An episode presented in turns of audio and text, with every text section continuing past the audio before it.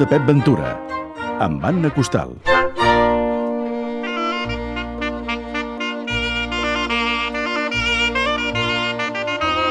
Anna, bon dia. Bon dia. Estem molt contents que l'Anna Costal i Fornells hagi acceptat aquesta proposta de parlar-nos de Pep Ventura i de tot allò que va envoltar una època, que és l'època en què va viure aquest personatge important per la música del nostre país. I eh, la idea de fer una secció neix d'un llibre, Anna, un llibre al qual hi vas dedicar molts esforços, oi?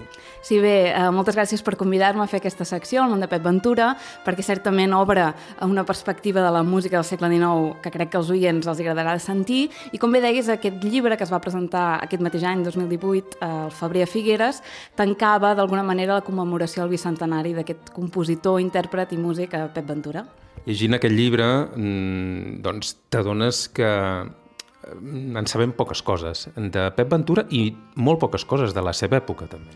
Sembla mentida que el segle XIX, per la gent que ens estigui escoltant, és molt coneguda la música europea de l'època, des de Beethoven, els grans compositors Chopin, Franz Liszt, etc etc, les grans sinfonies clàssiques fins a Brahms, i en canvi la música catalana d'aquesta època és com un gran buit, com si no tinguéssim música, com si no tinguéssim compositors. I això és el contrari, teníem una activitat musical increïble a través d'aquest personatge, Pep Ventura, la podem estirar una mica, podem estirar aquest fil.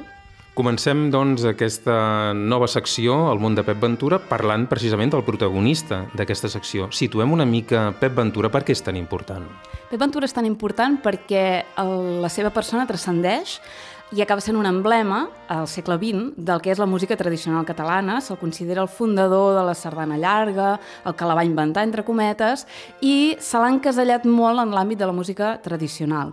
Ara bé, si obrim el personatge, descobrirem tot un món romàntic de música catalana. En ell l'hem de situar a l'Empordà, a Figueres, des de ben petit ell bé, va néixer al Cala la Real, a Jaén, el pare militar, van anar a Roses, després la família es va traslladar a Figueres i ell va desenvolupar tota la seva vida, va néixer l'any 17 i la seva vida professional entre els anys 40-50 i fins que mor al 75 la situem a Figueres i és un músic romàntic en tota la seva dimensió, és a dir, no només tocava sardanes i tocava la seva tenora, que en parlarem al llarg d'aquesta secció, sinó que també era clarinetista del Teatre d'Òpera de Figueres, per tant coneixia el repertori del bel canto italià perfectament i componia tota aquella música de moda, ballable, sobretot, que una ciutat com Figueres doncs, necessitava per les seves festes. L'hem de situar, doncs, al món del, de l'Empordà. Aquella era la seva terra i és allà on durà a terme la seva activitat principalment allà, no? Exacte. Ell és líder de la seva pròpia copla o orquestra, perquè són paraules sinònimes, Uh, i es desenvolupa a l'Empordà, uh, bàsicament a Figueres, com bé deia, que és on, on viu, però també durant l'estiu, evidentment, per les festes majors de tot el Rodal, no? Uh, des de l'Alt Empordà al Baix Empordà, fins i tot a la Selva, uh, tenim documentat per la premsa doncs, que hi va tocar les seves sardanes i els seus ballables, i menys a la part de muntanya. Això no, no està documentat, però sí bona part del que es coneix com el Bisbat de Girona, per entendre'ns. Abans has parlat de la seva orquestra, Pep Ventura, la tenora i la seva orquestra és comparable una mica, eh, potser dic una animalada, eh, però el símil de Pep Ventura i la seva orquestra amb els Strauss i les seves orquestres?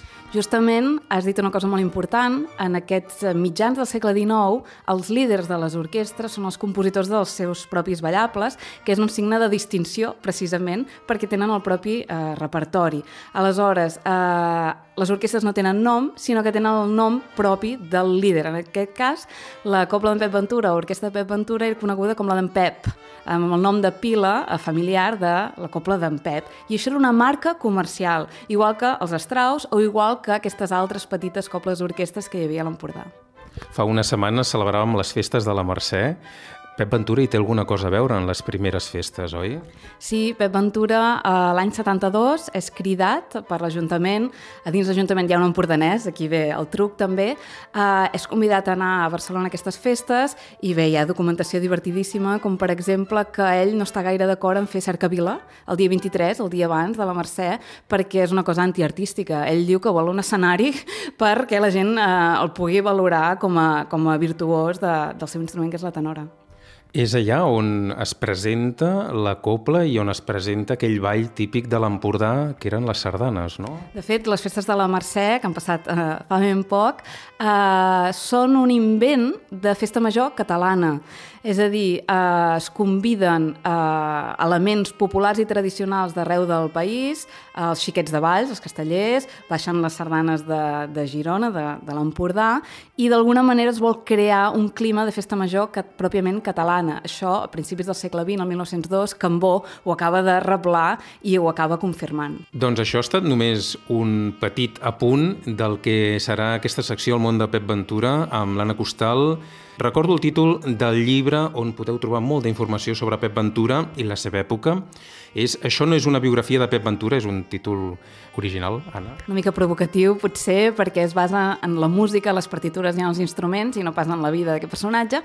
I m'agradaria dir també que el llibre es pot acompanyar d'una banda sonora, que és el disc Pep Ventura, la música romàntica a Figueres, que també es va presentar a Figueres a principis d'aquest mateix any, i que eh, es pot consultar a través de la pàgina web de la Generalitat, eh, commemoracions de l'any passat, 2017, i em penso que penjaràs eh, l'enllaç. Efectivament, es pot consultar i descarregar tant el, les músiques com el llibret i les partitures, oi? Exactament. Estem contents doncs, de que tot aquest material que tant d'esforç costa no, de, de publicar doncs, estigui a l'abast de tothom. Perfecte. Doncs, Anna Costal i Fornells, moltíssimes gràcies i fins al mes que ve. Gràcies a tu.